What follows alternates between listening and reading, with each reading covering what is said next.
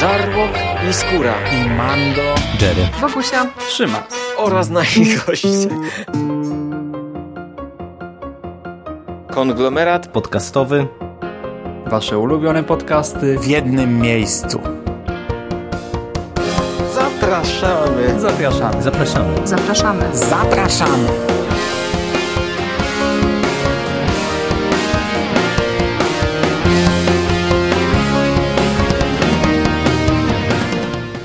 Witam w konglomeracie podcastowym, czyli na platformie, która zbiera wszystkie Wasze ulubione podcasty w jednym miejscu.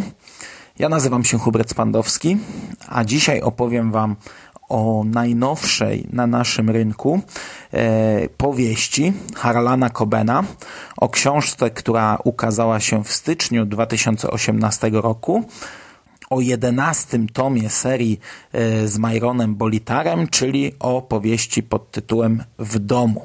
Zacznę jednak od tego, co już gdzieś tam w różnych podcastach e, sygnalizowałem, e, czyli od mojej historii z Harlanem Cobenem, w skrócie.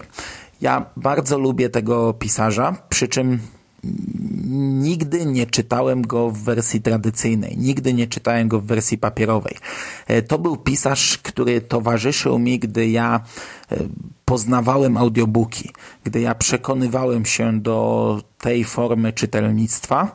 E, I właśnie wraz z Harlanem Cobenem, no nie tylko, ale wtedy bardzo dużo książek Harlana Cobena przesłuchałem, przekonywałem się do tego jakieś tam, nie wiem, z 10 lat temu. Do wyboru miałem e, dwie dwa worki książek, dwie y, kategorie. Y, po pierwsze książki, które były spoza cyklu, a po drugie książki właśnie z cyklu o Majronie Bolitarze.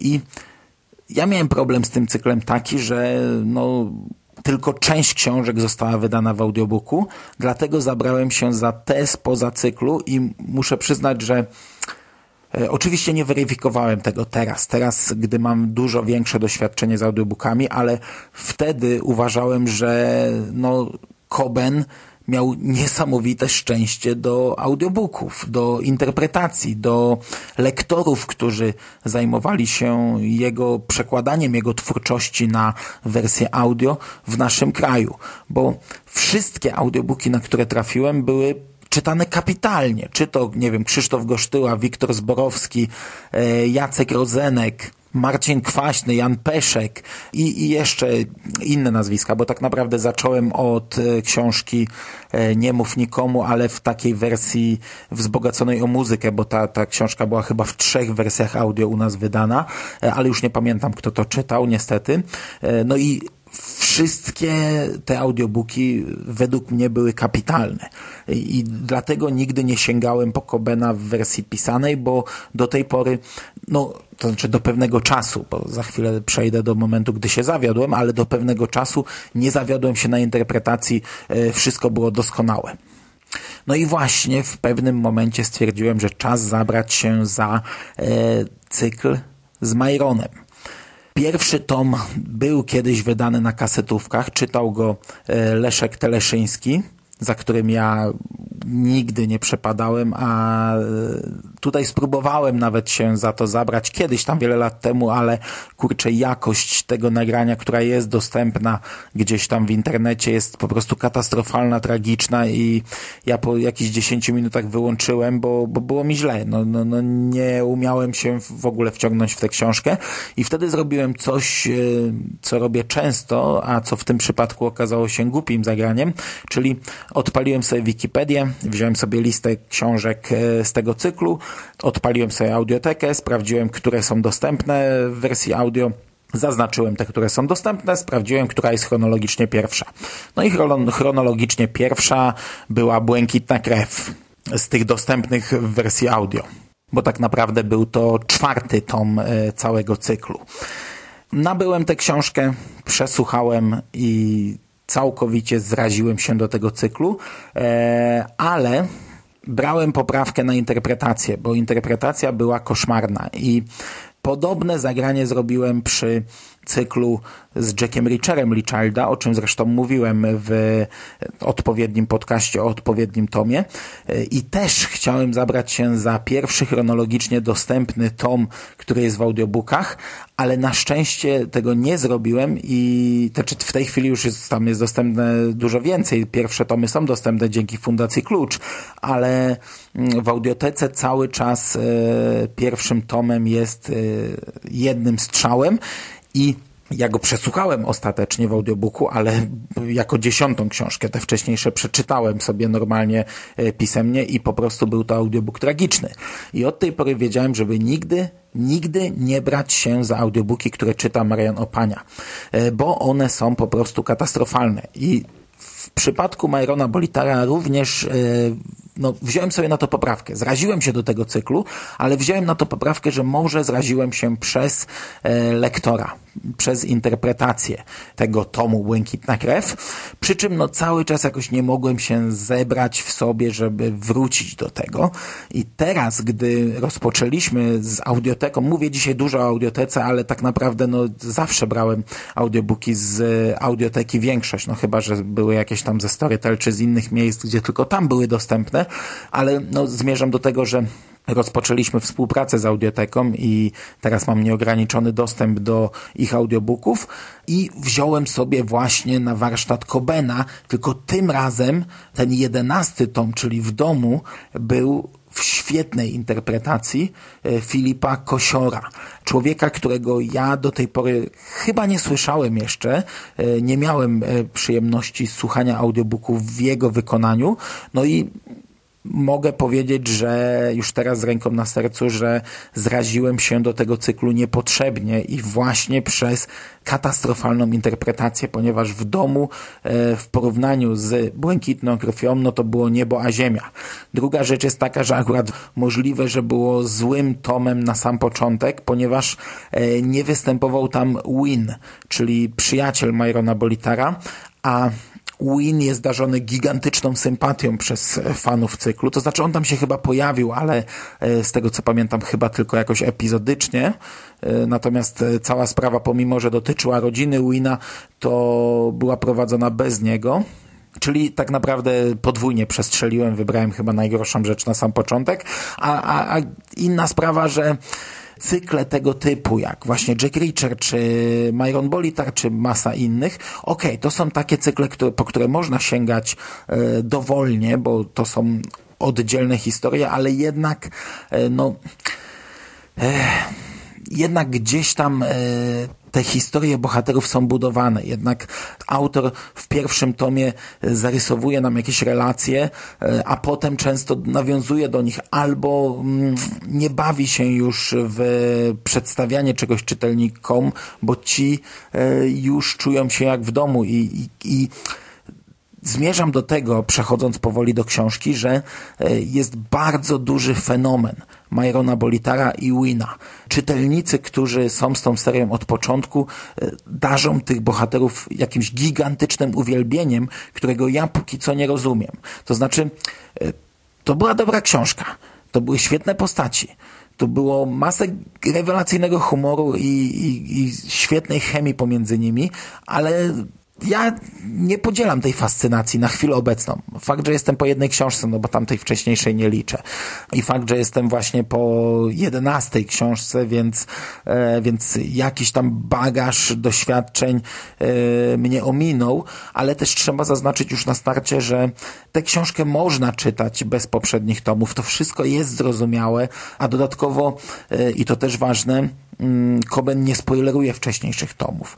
Nie robi tak jak na przykład Jon Esbo, który streszcza nam wcześniejsze wydarzenia. Nie, tutaj możemy zacząć sobie od tej powieści, potem wrócić do innej i, e, i, i również się nią cieszyć, również się nią dobrze bawić. Ja w międzyczasie przesłuchałem też e, dwa z trzech dostępnych tomów trylogii o Mikim Bolitarze, czyli o bratanku bodajże mm, e, Myrona. To są młodzieżówki, to są, to są takie książki raczej dla młodszego czytelnika. Może kiedyś się omówię zbiorczo albo, albo pojedynczo. Nie sądzę, żeby pojedynczo. One zresztą teraz zostały wydane jako trylogia w jednym tomie. I ja polubiłem tego bohatera.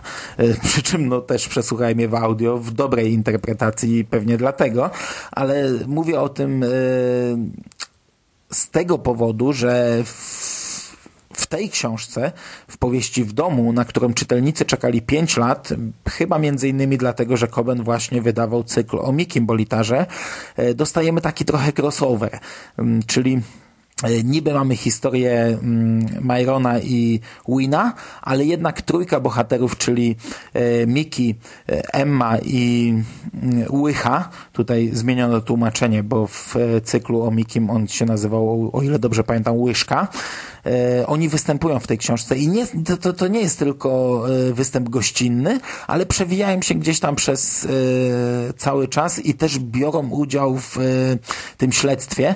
I to nie jest tak od czapy, to nie jest tak na siłę podpięte, ponieważ śledztwo dotyczy szesnastolatka, czyli ich rówieśnika, więc Myron wykorzystuje ich w kilku sytuacjach, żeby pomogli mu tam w różnych sprawach, czy to komputerowych, czy właśnie, żeby porozmawiali z tym, z tym szesnastolatkiem, którego dotyczy sprawa i to jest wszystko e, spójne, to wszystko gra, to wszystko jest na miejscu, a do tego jest to fajne, że, że te dwa cykle tak się tutaj łączą. Ok, natomiast o czym jest e, sama książka? Tradycyjnie, jak to u Kobena, mamy historię z przeszłości, czyli 10 lat temu uprowadzono dwóch chłopców i teraz po 10 latach Win trafia na ślad jednego z nich. Win, który mm, od długiego czasu, od tych 10 lat tak naprawdę gdzieś tam szukał rozwiązania tej sprawy, ponieważ jeden z chłopców e, był, jest e, członkiem jego rodziny, a akurat teraz trafia na ślad e, tego drugiego chłopca, więc sprawa na chwilę obecną dla niego jest rozwiązana tylko połowicznie, no ale udaje się tam w jakiś sposób odbić tego chłopaka, to, to, to jest rozpisane na dłuższą e, objętość książki bo oczywiście dochodzi do wielu problemów i konfliktów. No i zostaje rozgrzebywana sprawa z przeszłości. Znów przyglądamy się y, realiom porowania y, bohaterowie zaczynają zachowywać się dziwnie, rodzina, która odnalazła swojego syna, zachowuje się nienaturalnie, dziwnie, gdzieś tam pojawiają się pytania, czy to faktycznie jest ten chłopiec, czy nie. E, no i to wszystko prowadzi do w miarę zaskakującego finału. To znaczy, jego można się domyślić szybciej, ale, ale mimo wszystko to, to, to nadal jest zaskakujące. Sama sprawa jest bardzo fajna, ale e, ja nadal e, jestem bardziej fanem mm, tych książek spoza cyklu. To jest e, nietypowe, bo jednak czytelnicy Kobena uwielbiają cykl z Myronem, a te książki poza cyklem, no tak, lubią, ale niżej, nie? gdzieś tam je stawiają. Natomiast dla mnie książki spoza cyklu są na chwilę obecną cały czas dużo lepsze od Myronów, przy czym każda z nich ma coś do zaoferowania swojego i każda z nich coś tam traci, no bo książki spoza cyklu mają trochę bardziej wielowarstwowe intrygi, trochę bardziej jest to pogmatwane, ale tracą na tym bohaterowie. Po przeczytaniu, nie wiem, pięciu, sześciu, siedmiu książek, te książki się raczej zlewają. Nie, nie, nie, nie pamiętamy tam żadnych charakterystycznych, e, ważnych elementów. Natomiast e, na chwilę obecną mam takie wrażenie, e, że książki z Myronem mają mniej zagmatwaną intrygę, jest raczej e, liniowa. Nie, mamy tutaj wielu tajemnic, wielu bohaterów e, teoretycznie oderwanych od siebie, które gdzieś tam się zapętlają, zawiązują, wiążą, tylko na chwilę obecną mam wrażenie, że to jest po prostu jedna liniowa historia, którą e, rozwiązują nasi bohaterowie, ale w zamian dostajemy właśnie rozbudowę naszych bohaterów, czyli dużo więcej wątków obyczajowych, gdzieś tam jakieś wątki rodzinne, pogłębiające się relacje między postaciami, między bohaterami i może dlatego czytelnicy, którzy są z tym cyklem od 11 tomów, dlatego tak bardzo lubią ten cykl. No, zobaczymy, na mnie też przyjdzie czas, bo niebawem myślę zmierzę się z, przynajmniej z częścią e, zaległych książek. Co jest e, chyba nietypowego w tej książce, ale jeśli mówię głupoty, to, to możecie mi powiedzieć, że jestem głupi w komentarzu.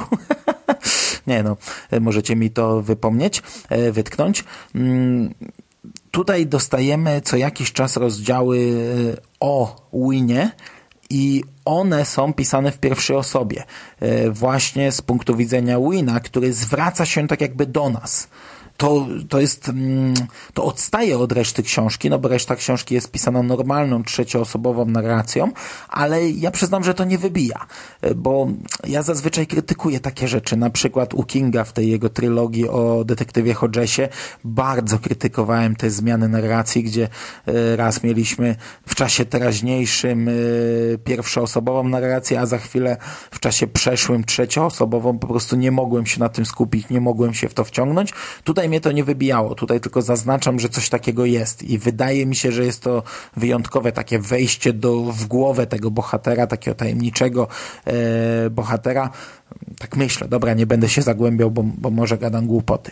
Okej, okay, podsumowując. Książka bardzo mi się podobała przeczytałem ją tak naprawdę na raz. E, ten audiobook trwa jakieś 8,5 godziny. Ja go przesłuchałem na raz. E, włączyłem i skończyłem po 8,5 godzinach godzinie. Go, godzina. No. Już polubiłem tych bohaterów, chociaż jestem na razie na finale ich drogi. Sprawa była ok i ogólnie książka e, była naprawdę dobra i stwierdziłem, że skoro już się przeprosiłem z tym cyklem, no to przeproszę się na dobre i wrócę do wcześniej wydanych książek. Przy czym tradycyjnie nie w papierze. No, no nie wiem, no Harlan Coben to jest dla mnie pisarz, który istnieje tylko w wersji mówionej i pewnie tak już pozostanie na zawsze. E, z tego co widzę zostały mi trzy tomy, przynajmniej w audiotece dostępne są trzy książki jeszcze. Najczarniejszy strach, e, Wszyscy mamy tajemnicę i obiecaj mi. Wszystkie trzy w bardzo dobrych interpretacjach, trzech różnych. Wiktor Zborowski, Marcin Kwaśny i Krzysztof Globisz. I w najbliższej przyszłości ja za te książki się zabiorę. Przy czym będę je sobie dawkował, bo z Kobenem to jednak jest tak, że w zbyt dużej e, dawce on e, no może nie tyle jest ciężko strawny, co zaczyna się mieszać. Na koniec pozostaje mi tylko polecić Wam, jeśli lubicie tego typu książki i jeśli nie słuchacie książek e, w wersjach czytanych, w wersjach audio, e, no to Harlan Coben jest świetnym pisarzem, żeby rozpocząć taką przygodę. Wiem to z własnego doświadczenia, tylko omincie błękitną krew, nie bierzcie się za Mariana Opanie. Każdy inny wybór w ciemno będzie wyborem dobrym bo jest to człowiek, który miał chyba największe szczęście do lektorów i do interpretacji swoich tekstów, co już dzisiaj mówiłem kilka razy. I to by było na dzisiaj wszystko. Ja Wam bardzo dziękuję za uwagę. Trzymajcie się ciepło. Do usłyszenia w przyszłości. Cześć!